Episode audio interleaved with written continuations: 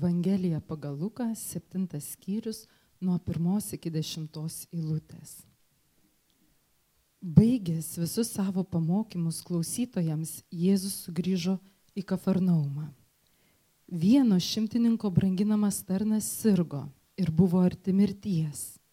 Išgirdęs apie Jėzų, šimtininkas pasiuntė pas jį kelis žydų vyresniuosius, prašydamas jį ateiti ir išgydyti tarną.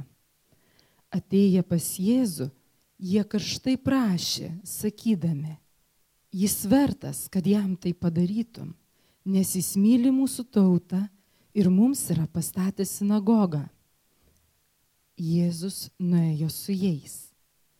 Kai jis buvo netoli namų, šimtininkas atsiuntė savo draugus, kad jam pasakytų, viešpatie, nesivargink, aš nesu vertas, kad užeitum po mano stogu.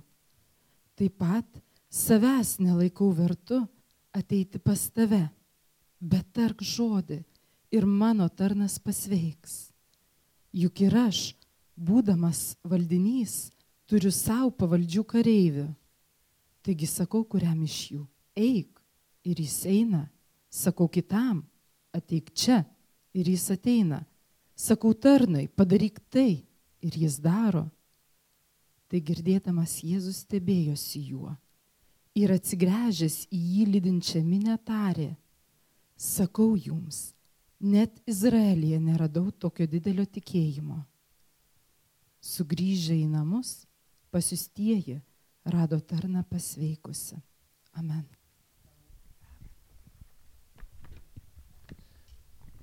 Dangiškasis tėvė, atverk mums savo malonę, skaitant tavo žodį ir jį siekiant suprasti, suvokti, paimti tą pamokymą, kuris, kuris jame paslėptas. Ir te tavo žodis pamoko mus tikėjimo pamokų, tegul pamoko mus e, bendruomenės gyvenimo pamokų, pamoko to, ką, kam jisai siūstas yra. Per šventąją dvasę kalbėk kiekvieno iš mūsų gyvenimus, kalbėk į mūsų širdis ir ugdyk mus išganimui per Kristų, prašom to. Amen. Prisėskim visi. Taigi, toliau žvelgime į, į, laiš, e, į, į knygą, kurią mes skaitome, e, Luko Evangeliją, jau mes žengėme į septintą skyrių, kaip ir buvo perskaityta. Taigi, e, kągi mes čia atrandame E, evangelistas Lukas mums kalba apie vieną įvykį, prašo vieną įvykį, e, kuris vyksta Kafarnumo mieste. Kaip žinia, Jėzus Kafarnumo miestas, jisai taip pat yra Galilėjoje, netoli Nazareto, jisai šiauriniai Jeruzal... E, Izraelio dalyje yra ir, ir Jėzus tarytum ten įkūrė tokį savo tarnavimo centrą. Ir jisai sugrįžta į Kafarnaumą. Ir labai įdomu, labai įdomu, kad uh, Kafarnaumo bendruomenė yra tokia atvira ganėtinai Jėzui. Jeigu mes paskaitytumėm ketvirtos skyriaus pradžią, kaip, kaip Jėzus buvo priimtas uh, savo mieste, kuriame augo Nazareto mieste, tai mes matome didelį kontrastą, kad Nazaretas pasipiktina tie žmonės, kurie matė Jėzų gyvenantį, kažkurį laiką augantį ir gyvenantį jų mieste, jie pasipiktino tą žinę, kurią jisai skelbė, kad jis yra tas viešpaties pateptasis, kuris pašauktas daryti viešpaties darbą. Tuo tarpu šitame mieste visuomenė ganėtinai atvira. Ir pats Jėzus sako, kad kalbėdamas su Nazareto miesto gyventojais, sako, ar norite, kad padaryčiau stebuklų, kuriuos girdėjote mane darant Kafarnaumo mieste. Taigi įdomus dalykas, kad mūsų viešpačių Jėzui jis tai būdavo, kad a, jei bendruomenė jį atstumė, jei miestas jį atstumė, jis nei pamokslaudavo, negalėdavo pamokslauti, nei padaryti savo darbų ir, ir, ir, stebuklų. Tarytum, neįtikėtina, visagalis Dievas yra susijęs uh, ir susaistęs save kažkokiais būdais su žmonių tikėjimu, su jų atvirumu, bendruomenės atvirumu. Ir čia Jėzus daro stebuklus, čia jis moko Kafarnumo mieste ir čia įvyksta įvykis, apie kurį mes jau skaitėme. E, žiūrėkit, čia iš karto, iš karto prie, prie pritaikymų mums. Mums reikia melstis, mums reikia prašyti, mums reikia darbuotis, kad Dievas atvertų duris čia, panevežį, mums, tarpti, būti. Kad mes pirmiausia, tai ką mes galim daryti, mes kaip bendruomenė turėtume priimti Jėzų, mes kaip bažnyčia, kaip, kaip uh, tikėjimo bendruomenė turėtume priimti išganimo žinę, Evangelijos žinę ir ją, ją ap, apglėpti, klausyti Kristaus, paklusti Kristui, uh, priimti Kristų, džiaugtis Kristumi, uh, gyventi Kristumi. Ir lygiai taip pat darbuotis, kad miesto bendruomenė, kuriame mes gyvename, kad jinai būtų atvira Jėzus Evangelijai, Jėzaus darbams. Nes Evangelija keičia, Evangelijos žinia keičia, e, Evangelijos darbai keičia žmonių gyvenimus. E, jeigu bažnyčia uždaro savo ausis, kad neklausytų, jei bažnyčia uždaro savo širdį, kad, ne, kad neatgailautų ir netikėtų Kristumi, jei bendruomenė nenori klausyti Evangelijos, e, Evangelija netliks savo darbo. Todėl ir iš kitos pusės, aišku, jeigu bažnyčia atsiveria, jeigu bendruomenė atsiveria, Evangelija atneša palaiminimą. Palaiminimą ir klėstėjimą visiems. Taigi mes turėtume prisiminti apaštalo Pauliaus daugybinius raginimus. Prisiminkime, kad uh, Lukas, kuris užrašo šitą Evangeliją, ilgus metus buvo ištikimas apaštalo Pauliaus bendražygis jo pagalbininkas, jo mokinys. Taigi ta pačia dvasia jie rašo. Ir Paulius sako, antram laiškė tesalonikiečiam trečiam skyriui, efeziečiam šeštam skyriui, kolosiečiam ketvirtam skyriui, sako, melskitės, melskitės už mus, kad Dievas mums atvertų žodžio duris skelbti Kristaus paslapti, dėl kurios aš surakintas, kad sugebėčiau atskleisti taip, kaip privalau ją skelbti. Pagaliau, broliai, melskitės už mus, kad viešpatė žodis skintųsi kelią ir būtų pašlovintas, kaip pas jų ir pas jūs, ir kad mes būtume išgelbėti nuo netikusių nedarų žmonių. Taigi žiūrėkim, Paulius sako, Evangelija mus moko, kad e, pirmiausia, mes patys turime būti atviri Evangelijai, bet kitas dalykas, kad mes melsime ir prašytumėm Dievę, Dievę, atverk žmonių širdis, atverk visuomenę širdį, padėk mums būti išmintingais, padėk mums gyventi, dirbti, tarnauti taip, kad žmonių širdis būtų atviros, atviros tam, ką mes nešam, atviros tam, ką mes kelbiam, atviros Kristui ir jo išganimui, jo nuostabiems darbams, kuriuos jis gali atlikti žmonių gyvenimuose. Taigi, tai labai svarbi, ne tik Luko raštų dalis, bet tai svarbi Evangelijos dalis. Kad mes kaip bendruomenė būtumėm primtina, prim, primama, nes tada mes padarysim tą poveikį. Evangelija tiksliau per mus padarys tą nuostabų poveikį, kurį gali padaryti. Ir čia mes sutinkam šimtininką, vieną šimtininką, įdomus vardas, vienas šimtininkas. Centurionų, nežinau, vienur vadina centurionų, kitur šimtininku, nes centurionas būtų galbūt originalesnis vardas, mes sulietuvinam ir pavadinam šim, šimtininku. Taigi, pirmas dalykas, pirmas momentas, ką reikėtų pasakyti, kad čia krikščionybė tarsi ir išsprendžia klausimą apie tai, ar krikščionys pacifistai ar ne. Mano akimis Evangelija kalba apie tai, kad krikščionybė nėra pacifistinė religija arba tikėjimo sistema. E, krikščionybė ne, nekritikuoja kario profesijos. Žiūrėkim, ateina pasiūsti šimtininko, kario pasiūsti žmonės pas Jėzų ir jie sako, oi, karys, išeik iš kariuomenės, išradėk savo, atsižegnok nuo visko ir tada galbūt aš primsiu ir paklausysiu tavęs. Nieko net nekalba. Nieko nekalba, jie pakviečia Jėzų ir jis iš karto eina be žodžio, be komentaro, be nieko. Jėzus eina ne tik pas karį, bet pas okupantų, Romos imperijos karį, e, imperijos, kuri okupavo jo tautą karį, kad išgelbėtų, pagydytų jo tarną. Taigi žiūrėkim, aš manyčiau, kad Evangelija palaiko, krikščionybė palaiko kario profesiją kario profesija teisinga, gera, dora. Ir krikščionis ne tik, kad galimai galėtų, bet gali, o jeigu jisai pašauktas tam ir privalo būti kariu ir tarnauti. Teisingai, moraliai, sąžiningai, vadovaudamasis Dievo įsakymais, sąžinė ir kitais dalykais. Taigi, žiūrėkime, aš šiek tiek papasakosiu apie šimtininkus, kad šiek tiek būtų mums aišku apie tą patį kontekstą, kuriame mes esame. Mes turime seną paveikslėlį, kurį, kurį nupiešė Rūta dar prieš keletą metų ir man jis labai patinka. Taigi, šimtininkai Romos imperijos kariuomenėje buvo toksai tos kariuomenės stubras. Jis sudarė stubrą kariuomenės. Uh, jie buvo tiesiogiai pavaldus generolai, generolas buvo tiesiogiai pavaldus imperatoriai. Taigi nedaug grandžių, imperatorius, generolai, šimtininkai. Viskas ėjo va taip. Šimtininkas paprastai turėjo valdžią šimtui arba aštuoniasdešimčiai karių. Ten šiek tiek kito per Romos imperiją tasai skaičius, kur, kuriam jie vadovaudavo. Jie nebūtinai būdavo Romos piliečiai. Ir jie, žiūrėkime, labai įdomus dalykas, kad paprastai šimtininkai nebuvo karininkai aukšto, aukšto lygio, tai būdavo kariai, paprasti kariai, kurie tarnaudavo kariuomeniai ir juos išrinkdavo į tą rangą, kad jie vadovautų uh, tai e, centūriai, šimtui karių. Ir jie uh, pakildavo, pakildavo kitų karių akise, generolo akise, bendražygio akise ir tada juos išrinkdavo. Tai paprastai būdavo labiausiai patyrę, geriausi, gabiausi kariai, kurie ir mūšyje, ir taikoj jie turėjo įrodyti savo patikimumą.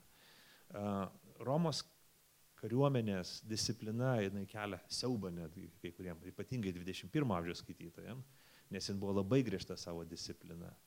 Ir būtent šimtininkas jisai laikydavo discipliną, jeigu karys nusižengdavo disciplinai. Kare ar civiliniam gyvenimu, tai yra, ne, ne, tiksliau, kare arba taikoj, pats šimtininkas imdavo bausmę ir atlikdavo ten iki mirties bausmės. Ir ten mirties bausmė nebūdavo retenybė pačioje kariuomeniai. Disciplina buvo labai griežta. Taigi, tai buvo žmonės, kurie gebėdavo taikos metu išsaugoti karių discipliną, kad jie nedarytų nusikaltimų, nediskredituotų kariuomenės arba ne, nesiauptų savo pačių piliečių. Tai nėra labai lengva, nes um, kare visi siubuoja žmogiškoji prigimtis. Iš kitos pusės tai buvo žmonės, kurie savo charakteriu, savo būdu, savo charizmą tam tikrą, savo užsitarnauto vardu karo metu turėdavo įkvėpti vyrus eiti paskui jį ir vykdyti įsakymus, kurie gali būti netgi ir atnešti mirtį jiems patiems, bet atnešti pergalę e, kariuomeniai. Taigi iš jų būdavo tikimasi, kad jie mažai kalbės ir, daug, ir viską vykdys, tiesiog darys tai, kas jiems įsakyta. Kartais jie patys dalyvaudavo štabe, kai reikėdavo priimti uh, prieimimus. Atrankoje, kai juos išrinkdavo į, į šimtininko poziciją, žiūrėdavo keletą dalykų. Tai pirmas dalykas, kaip jie moka naudotis visais ginklais, ten jėtis ir, ir kiti panašus svaidomi dalykai, kalavijas, skydas. Tai kiek jie įvaldė tą dalyką. Nes kariai turi pasitikėti, kad tai yra geriausias karys tame šimtuke, kuris yra. Tai yra geriausias, jis labiausiai patikimas.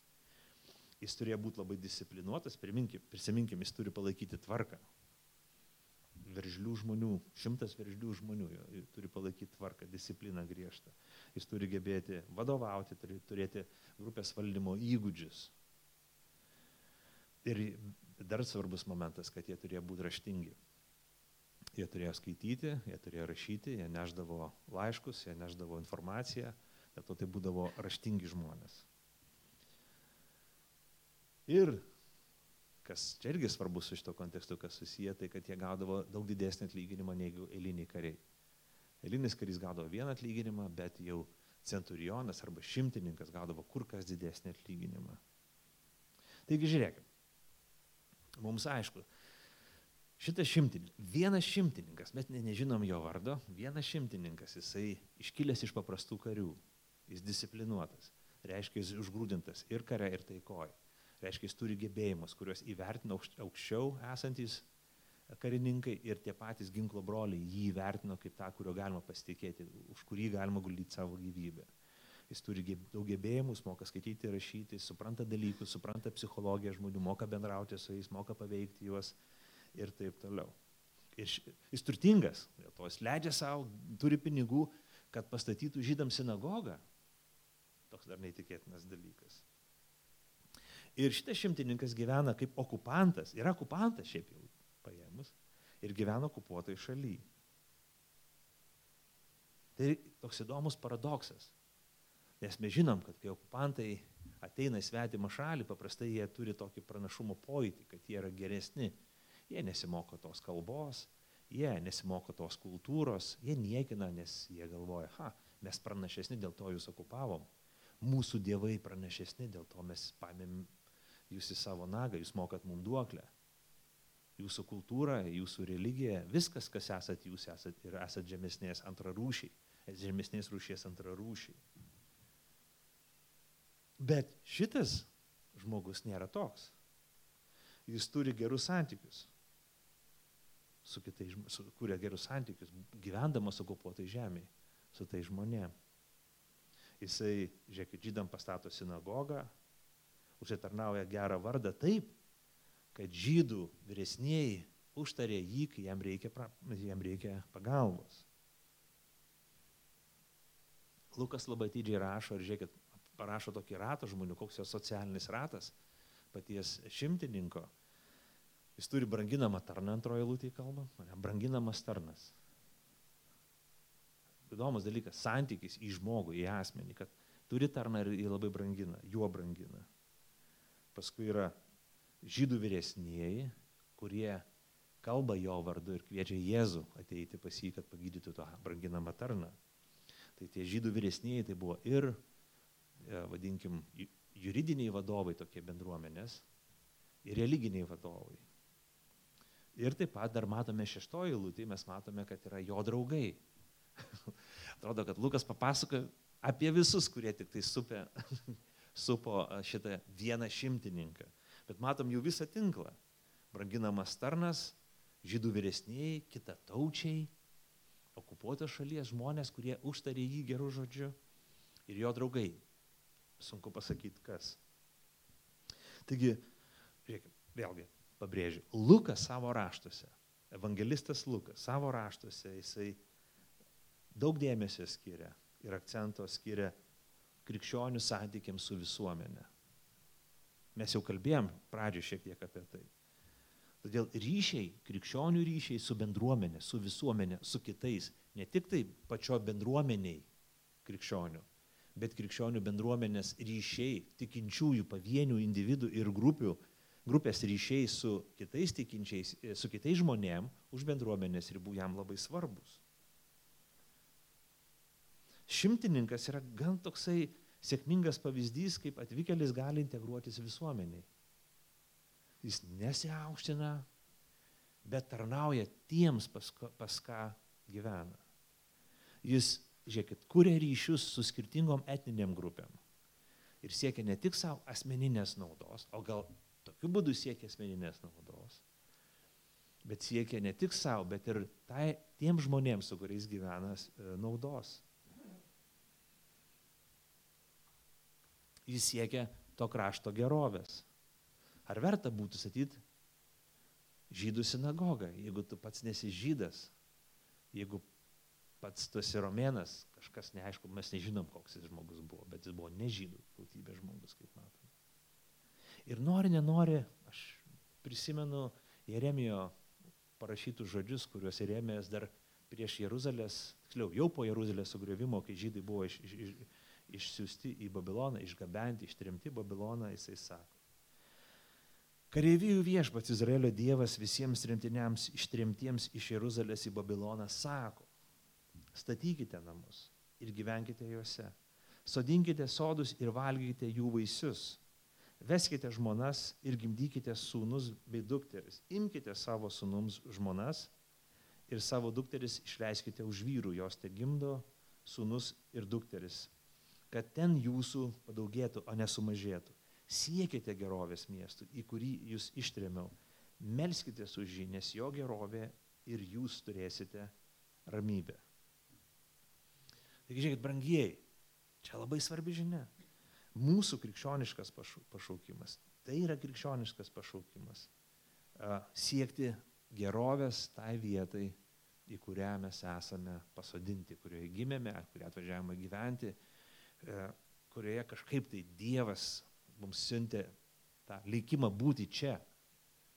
Ir mūsų pašaukimas yra rūpintis tos vietos gerovę atiduoti viską, kad ta vieta klestėtų.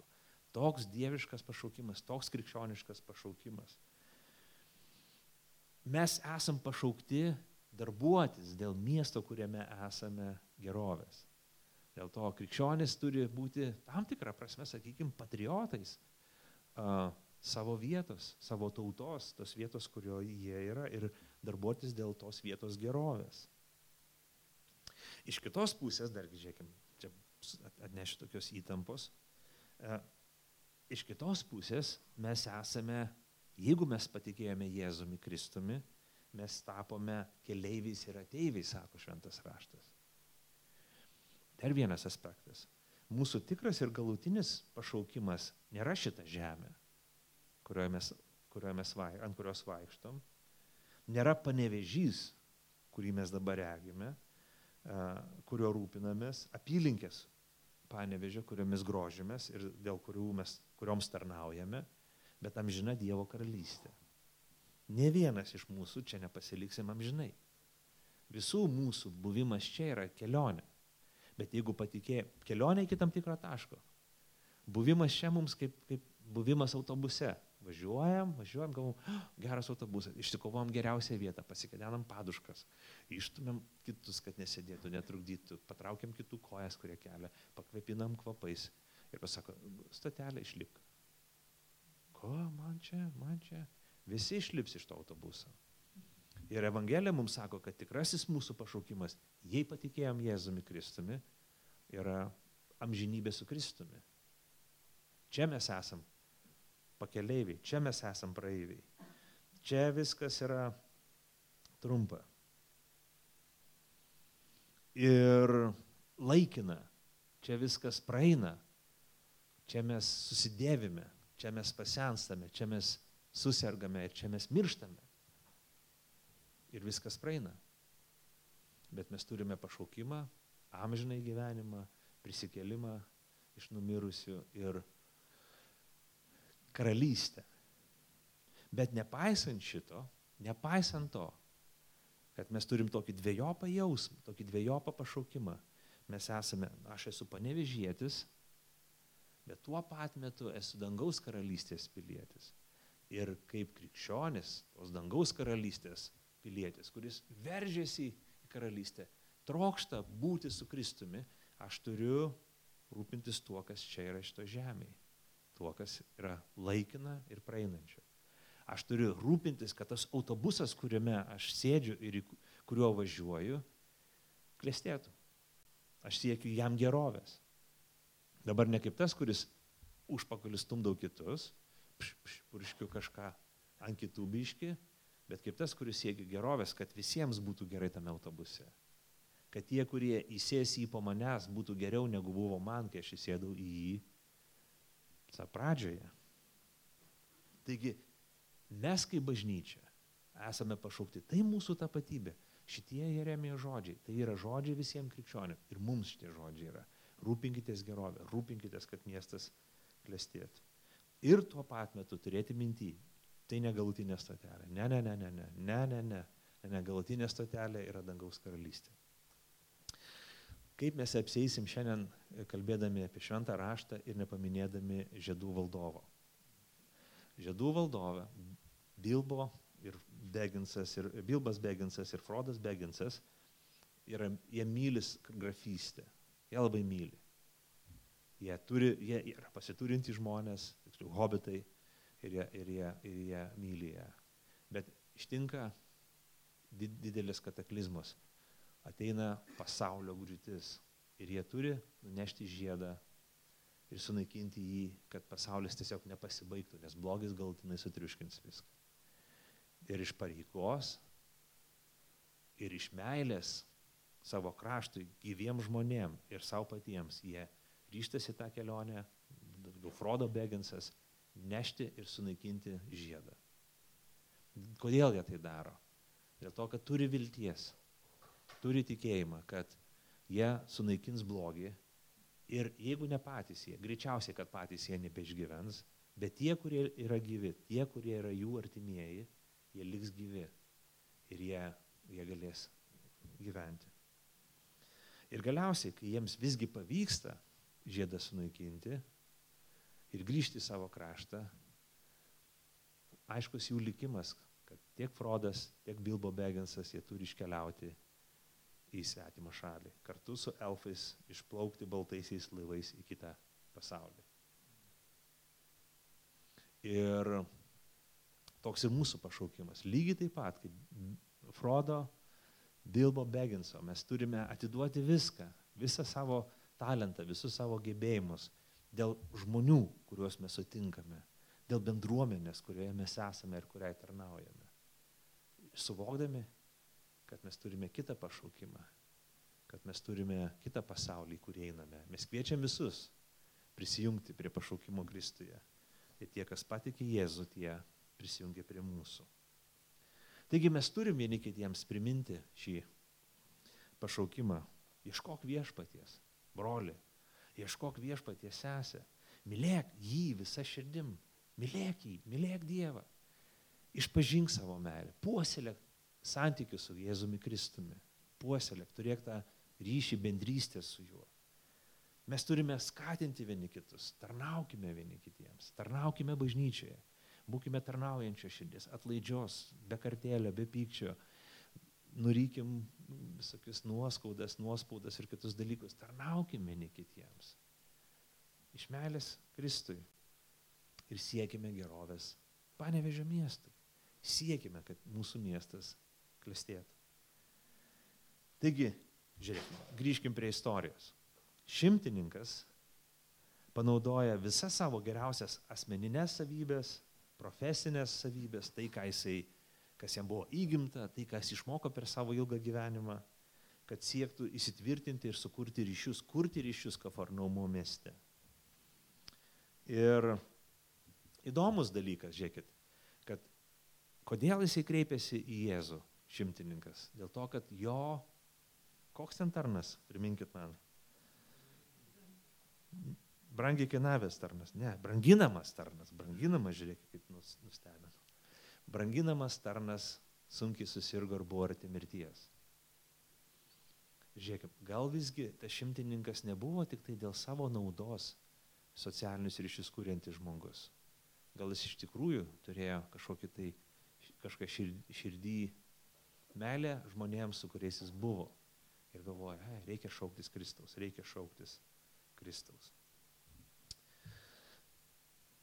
Taigi, pasižiūrėkim. Į, į, aš norėčiau tris pamokas pasižiūrėti, nes aš jau įžangą gerą pasakiau ir dabar stengsiuosi per 15 minučių išdėstyti visą likusią dalį. Taigi žiūrėk, baigęs visus savo pamokymus klausytojams, Jėzus sugrįžo Kafarnumo. Vienas šimtinių barginos tarnas susirgo ir buvo arti mirties.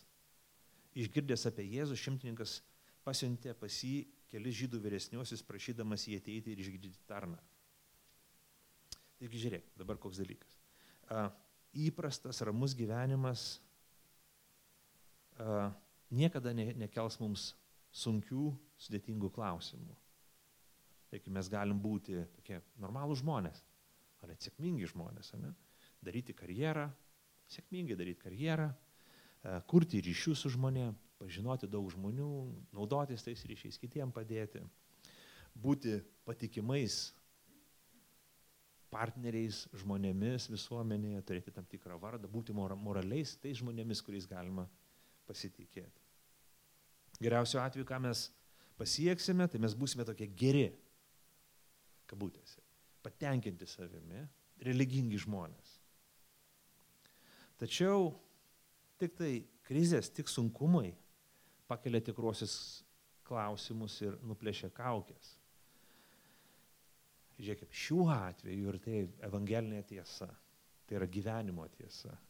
Tik krizės ir tik nelaimės mus atveda pas Jėzų. Tik tai nelaimė nutikusi šimtininko tarnui šimtininką atvedė pas Jėzų. Jis pradėjo, išgirdo, kad yra Jėzus, sako, reikia pas jį eiti, nueikit kažkas, pakvieskit uh, Jėzų pas mane. Žiūrėkit, kol mes nesusidurėm su krize, tūkstančiai dalykų nukreipia mūsų dėmesį. Smulkmenų visokiausių dalykų ir niekad mes ne, nemastysim apie rimtus dalykus. Kol gyvenimas normalus, kol gyvenimas geras, mums rūpi tūkstančiai nereikšmingų dalykų. Rūpi, su kokiu peruku, ar su kokia nosim, ar su kokiu kailiu išėjo į mamą apdovanojimus koks atlikėjas. Mes pergyvenam dėl nago, dėl kažkokio dalyko, dėl kažkas nuplaunė automobilį ir paukščiai bombarduoja tavo automobilį. Visą laiką bus dalykas ir mes jaudinsimės, kursim teorijas, tikimybių ir kitas, kaip galima tų paukščių išvengti nuplovus automobilį. Krūvas, krūvas, krūvas dalykų, kurias mes savo išsikeliam į galvą, mes nervinsimės dėl autobuso, piktinsimės dobėm, nenuvalytam gatvėm ir kitais kitais dalykais. Ir taip niekad neatrasime Kristaus, nepagalvosime apie svarbiausius dalykus gyvenime. Tarytum kažkoks tai žmogus, tarytum kažkoks tai veikėjas už šio pasaulio ribų esantis visą laiką veikia mus taip, kad mums siūstų daugybę, daugybę, daugybę, daugybę pasiūlymų, minčių, ką veikti, ką daryti, kad tik negalvoti apie svarbiausius gyvenimo klausimus. Ir žiūrėkim, kaip šitą istoriją, kaip pasako, kad krizės akivaizdoje kario disciplina labai svarbus dalykas. Sunkus darbas, kuo pasižymi kariai, ypatingai Romos kariai. Moralė, geri darbai ir religija nepakankami, kad padėtų. Viso to neužtenka. Viskas. Visa tuo, tuo kuo, jis, kuo šimtininkas galėjo pasitikėti ir pasikliauti, nes jis buvo geras ir sėkmingas žmogus, neveikia. Jis nebegali pasitikėti savim, nebegali pasitikėti savo kompetencijom, savo gerumu, savo pastang, pastangomis ir panašiai. Jis viską praranda. Nes jo tarnas štai serga, miršta ir jis nieko negali daryti. Ir žiūrėkim, krizės mus atveda prie tikrų klausimų. Kančios mus atveda prie tikrovės paieškų. Kaip čia yra? Mes tada pradedam šauktis Dievo galvom, palauk, palauk, palauk. Visi tie dalykai, kuriuos buvom susitelkę, nereikšmingi. Tas geras galvojimas apie save ir tas įsivaizdavimas, kad aš čia viską kontroliuoju, yra nekingas. Nes aš atsiduriu situacijai, kurios negaliu pakeisti ir viskas, jinai mane veikia. Gerai pastebėta yra, išklausykime atidžiai. Bėdos ir nelaimės nesukuria poreikio ateiti pas Jėzų. Kai mes pati bėda, pati nelaimė, nėra taip, kad tik dėl bėdos mums reikia Jėzaus. Ne, ne, ne taip. Bet bėdos ir nelaimės atskleidžia realybę tokią, kokia ji yra - mūsų beviltiškumą. Ir tik tada mums praveria akis, kad mes esam beviltiški. Kol nėra bėdos, mes gyvenam iliuzijai, mes gyvenam tamsoje, mes gyvenam rūkė ir galvojam, kad viskas čia gerai. Bet kad eina bėda ir nelaimė, kad eina krizė į mūsų gyvenimą, mes pamatome tikrą tikrovę, realybę. Krizė mums atveria tikrovę ir mes oh, pamatome, kad mes negalim nieko padaryti. Geri, moro, moralų žmonės, religingi žmonės ir taip toliau, bet niekas neveikia. Niekas neveikia. Niekas nepadeda. A, antras dalykas, ką norėjau pasakyti. Žiūrėkime, labai įdomus dalykas. Žiūrėkit, atėję pas Jėzų, jie karštai prašė, žydų vyresnėjai, a, sakydami, nuo ketvirtos eilutės skaitau, jis vertas, kad jam padar, tai padarytum, nes jis myli mūsų tautą ir mums yra pastatęs sinagogą. Taigi žiūrėkime, žydų vyresnėjai, kuriuos pakviečia šimtininkas, pasiunčia, kad nueitų, pakviestų Jėzų Jie sako, o, paskaičiavo, taip, taip, sinagogą pastatė, tas geras žmogus, kaip ten kiti kalba, gerai, gerai kalba apie jį, gerai, eina pakviesiu. Eina pas Jėzų, sako, Jėzau, nu, čia tokia situacija, ateik, jisai tikrai vertas, tikrai vertas, nusipelnęs, kad tu ateitum pas jį. Jėzus nuėjo su jais, nieko nesakė Jėzus. Nesakė, ar tikrai vertas, nu kiek vertas, pasakyk, kiek vertė, koks vertės indeksas. Ir kai jis buvo netoli namų, klausykim toliau, Šimtininkas atsiuntė savo draugus, kad jam pasakytų, viešpatie nesivargink, aš nesu vertas, kad užeitum po mano stogu. Taip pat savęs nelaikau vertu ateiti pas tave. Bet tark žodį ir mano tarnas pasveiks. Kas čia vyksta, pasakykit man. Kas čia gaunasi? Žydai apie šimtininką sako, jisai vertas. Vertas, kad ateitum, Jėzau, vertas. Tikrai jisai savo darbais įrodė, kas jis toks yra. Bet paskui šimtininkas siunčia jau savo draugus ir sako, aš nesu vertas nei ateiti, nei priimti tavęs. Du kartus pasako, aš nesu vertas, nesu vertas. kas čia dedasi. Mes šiandien, šiandien mes sakytumėm, klausyk, kas, kas tau dedasi, e, šimtininkė, tu turi problemų. Tau tikrai kažkas blogai. Kaip tu taip save vertini? Tau reikia padirbėti su savo savivertė. Kaip čia tai blogai? Visos problemos prasideda tada, kai mes net, net, neturim aukštos savivertės. Šimtininko didžiausia problema yra, kad jisai, jisai yra, ja, turi mažą savivertę. Ir taip, taip sako šiandieninė psichologija. Aš manau, kad dažnai taip sakytų ir bažnyčios žmonės. Kai žmogus sako, o aš nevertas, ne, tu vertas, vertas, baigtų, baigtų, žinok, vertas tikrai, aš tau sakau vertas. Mesgi sakom šitaip. Ir mes elgiamės taip pat kaip žydų tikėjimo žmonės. Čia susiduria dvi pasaulyje žiūros. Susiduria religijos pasaulyje žiūra, vertumo pasaulyje žiūra ir Evangelija. Deja, žydų vyresnieji, jie elgesi taip, kaip įprasta. Reiškia, jie vadovaujasi dalykų. Hei, nu, nuostata. Elgiesi gerai, laikaisi taisyklių, tarnauji Dievui, esi geras berniukas ir tai žinai, kad esi geras berniukas. Caca lelė. Ir tu pats žinai apie save, Ir kiti turi apie tave taip sakyti, tu esi geras, tu esi vertas. Ir tu sakai, aš esu vertas, o tu nevertas, o tas nevertas. Aš žinau, kas kitas vertas ir nevertas. Aš atpažįstu vertus ir atpažįstu nevertus.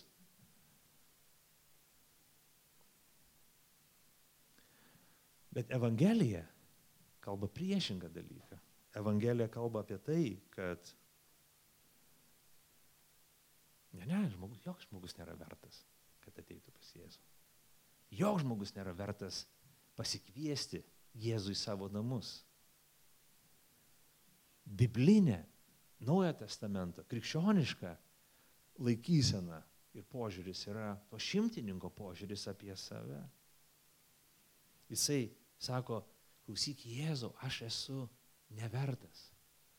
Visi mano pasiekimai, visas mano gerumas yra tuščias muilo burbulas ir aš nesu vertas nei ateit pas tave kaip pagonis, nei tikėtis, kad tu ateitum pas mane į namus. Nes tu esi ypatingas, tu esi tas. Dėl to aš tik prašau, pagydyk tą žmogų, kuris serga, kuriam labai blogai. Tai yra tikėjimas. Toksai yra krikščioniškas tikėjimas. Čia, čia susidurėm su esminiais skirtumais. Religija sako, religija sako, laikykis taisyklių, jų daug, bet stenkis, laikykis. Ir tu būsi vertas, tu būsi pripažintas, tu galėsi išties nugarą, stipriai stovėti tvirtai ant žemės ir sakyti, o viskas čia, taip, čia padariau, nebuvo sunku. Stengiausi, buvo labai sunku, bet padariau. Ir tada tu gali kalbėti su visais ir su pačiu Dievu. Tikėjimas į Kristų krikščioniškas tikėjimas sako, kad nei vienas nėra vertas. Tik Dievas yra vertas. Mes esam daug gilesniai problemų negu galvojam. Mes galvojam, religija mums sako, mums toks susidaro vaizdas, kad mes savo problemas išspręsim laikydamėsi taisyklių. Bet tikrovė, realybė tokia yra, kad mes esam beviltiškoje situacijai ir mūsų Jokios taisyklės, jokios religinės apėgos neišgelbės. Mums reikalinga didesnė, gilesnė, esmingesnė problema. Ir Dievas ją išsprendė siūsdamas savo sūnų Jėzų ant kryžiaus, kad jisai mirtų už mūsų nuodėmės. Ne tik tai, kad pagerintų, padėtų mums kažką daryti, bet kad būtų užmuštas už mūsų nusikaltimus, užmuštas už mūsų piktas mintis, užmuštas už mūsų intencijas, užmuštas už mūsų vizijas ir svajonės pražudytas už tai, ką mes linkę daryti, ką mes darome, ką mes padarėme ir ką mes galime padaryti. Štai tokia turi būti ta kaina, štai toksai turi būti sumokėtas indėlis už tai, kad mes būtumėm priimti ir tikroviška, tikroviška, teisinga mums sakyti, kad aš nesu vertas, kad Jėzus primtų mane. Be to, mes dažnai bažnyčiai labai lengvai spekuliuojam to pasakymu, o, ateik Jėzus priima, čia, čia, davai, davai. Bet tai, tai nonsensas. Tai pagalvokim, kaip mes čia kalbam, kaip mes lengvabūdiškai kalbam. Visatos kuriejas. E, Dievas, kuris sukūrė šitą, šitą pasaulį, Dievas, kuris skaito mūsų mintis, žino mus visus, mums, dar, mums patiems savęs nepažįstant, jis mus visus pažįsta, žino viską, kas esame mes, žino visus mūsų minties krustelimus, širdies virpesius ir sumanimus. Iki galo, kai mes save apbūdinėjom, kad mes esame geresni, Dievas žino, kokie mes esame iš tikrųjų. Jisai laiko visą visatą ir mes sako, o aš galiu su juo kalbėti, aš galiu su juo bendrauti, aš galiu pasėtyti, kada noriu. Kas tu toks, kokiu pagrindu? Nebent jis tave pašaukė. Nebent jis tau davė audienciją. Nebent jis tau atvėrė duris. Nebent jis nusprendė pašaukti tave, pasikalbėti. Ir tada tu turi suprasti, sakai, aš, aš ypatingas esu. Joks tu neipatingas. Tu nesupratai, tu nesupratai tikėjimo esmės.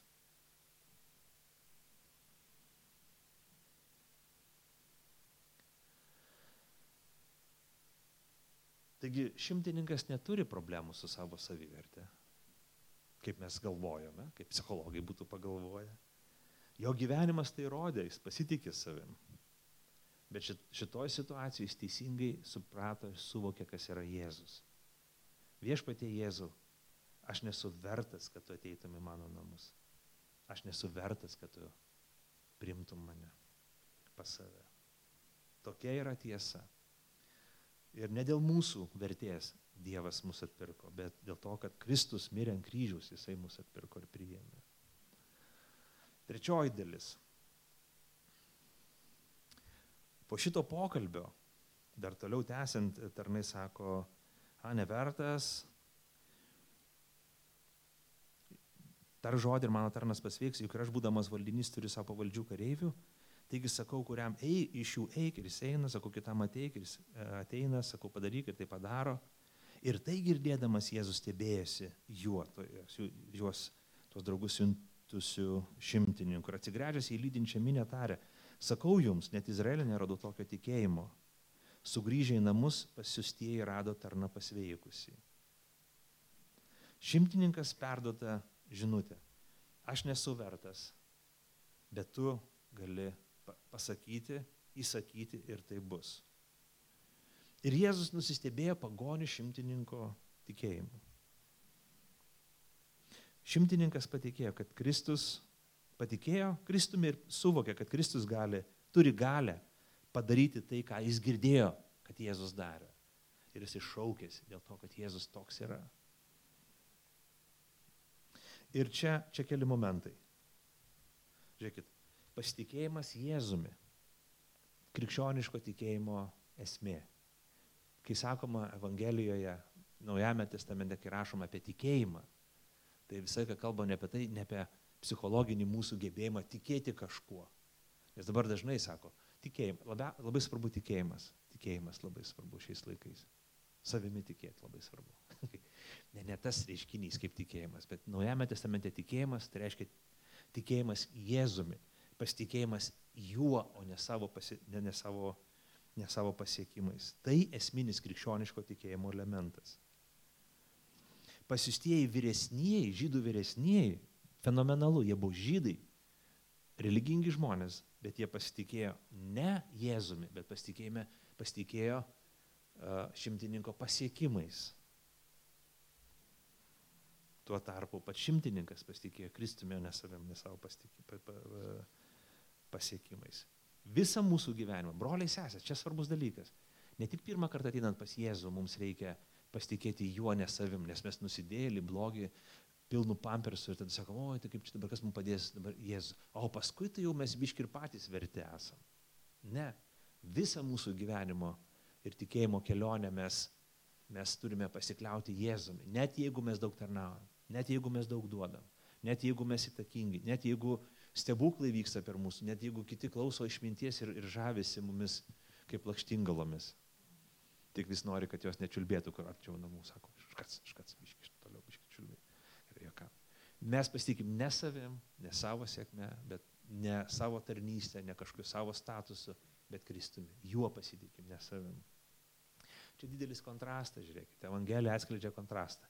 Žydų tautos žmonės nepažįsta Jėzus, piktinasi, Mes skaitome fariziejai, mokytai rašto žinovai, jie kurpė sąmokslą Jėzų pražudyti.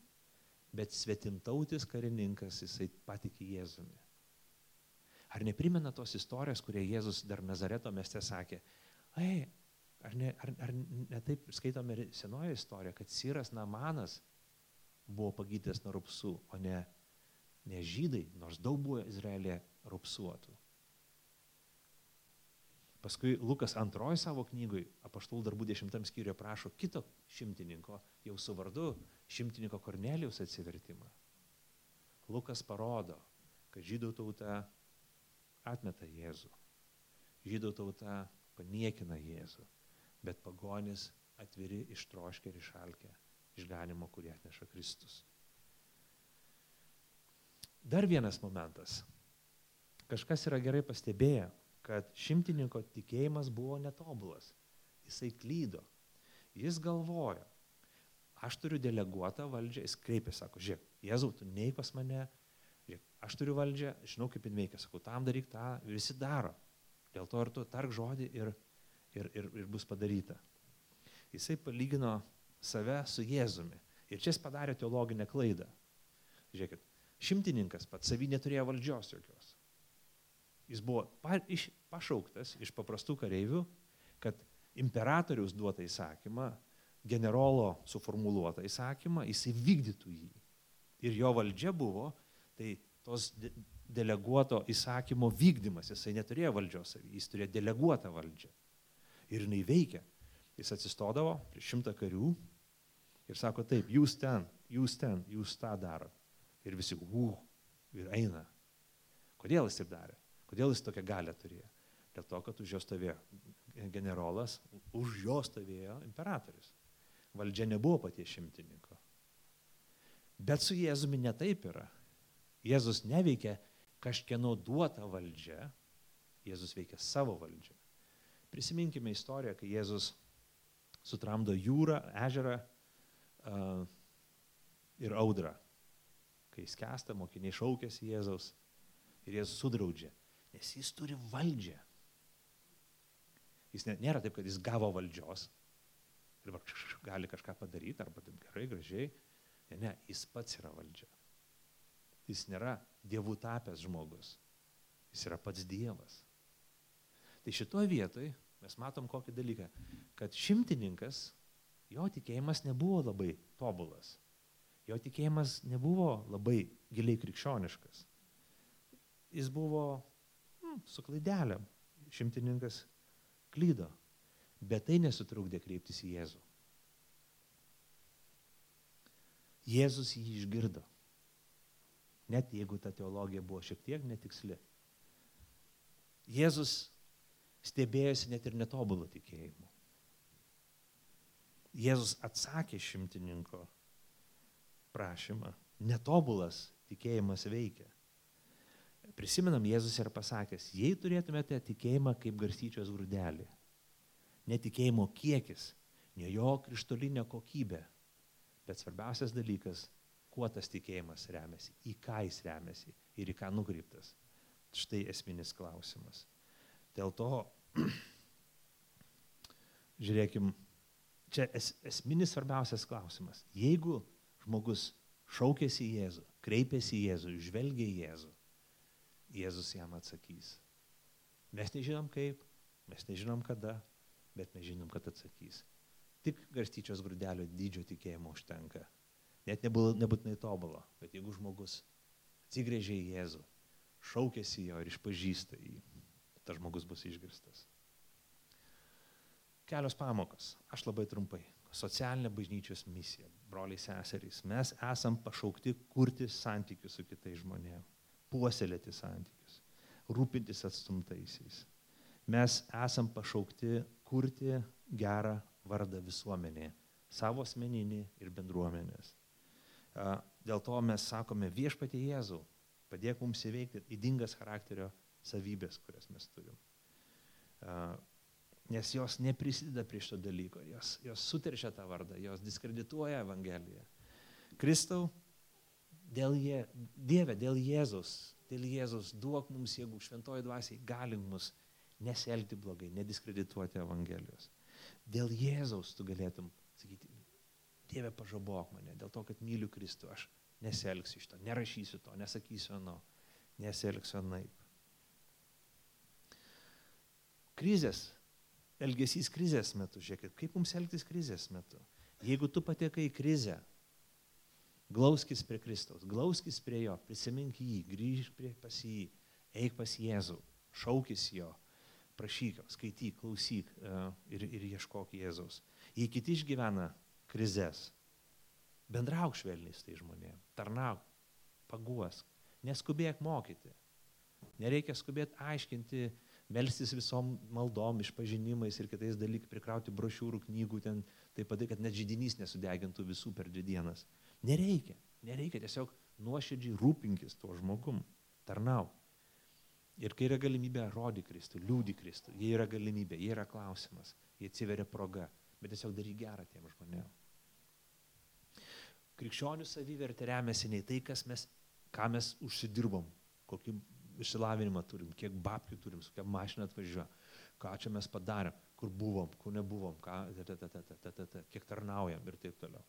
Kiek kentėjom, kiek atidavėm, kiek paukojom. Ne į tai remiasi. Tai į tai remiasi religija su savo problemom. Mūsų tikėjimas remiasi į Kristų, mūsų netikėjimas. Ir tikėjimas ir mūsų savivertė remiasi į Kristų. Ką jis padarė dėl mūsų, koks jis yra. Ta, ta, ta krikščionio savivertė, net jeigu tu nesėkmingas savo gyvenime esi, net jeigu tu blogai mokaisi, ne, neišsilavinęs esi, net jeigu dirbi pati prašiausią darbą, nežinau, neturi nusavybės turto, tu esi Dievo sunus, jeigu pasitikė Jėzumi Kristumi, tu esi Dievo dukra, tu esi jo mylimas, priimtas, tu, esi, tu turi dalį jo prisikelime, jis kviečia tave į bendrystę su savimi. Jis pašaukia tave, tai netikėta. Štai mūsų savivertė, Jėzus Kristus. Ir galiausiai, krikščioniškas tikėjimas ne mūsų nuopelnai. Ne tai, ką mes sugebam iš savęs ištenėti, ne tai, ką mes padarėm. Esmė, kad jis yra Jėzus į jį. Net, tikė, net tikėjimo grūdelis jisai daro efektą. Kaip tikintieji mes esam pašaukti lavinti ir auginti, aukti tikėjimu. Bet niekada, niekada mes nesiremsime į savo darbus, visą remsimės į tai, ką Jėzus padarė ant kryžius už mus. Pasimelskime. Dangiškasis tėvė, dėkojam tau. Už malonę dėkojam už tikėjimo, išgelbimo dovaną, kurią mums davėjai. Ir viešpatie, pamokyk mus būti tinkamais liudytojais tavo akivaizdoje. Pamokyk ir duok mums jėgų tinkamai elgtis savo ir kitų žmonių krizėse. Viešpatie, tie mūsų pasitikėjimas būname ne mes patys savo, bet tu, viešpatie, atsakyk mūsų vertę ir savivertę. Ir te, kiekvienas iš mūsų turėsime tikėjimą į tave viešpatie Jėzau. Ir tas tikėjimas te auga, bręsta, kad visi, kad mes patys uh, auktumėm, bet visą laiką pasiremtumėm į tave mūsų viešpatie. Amen.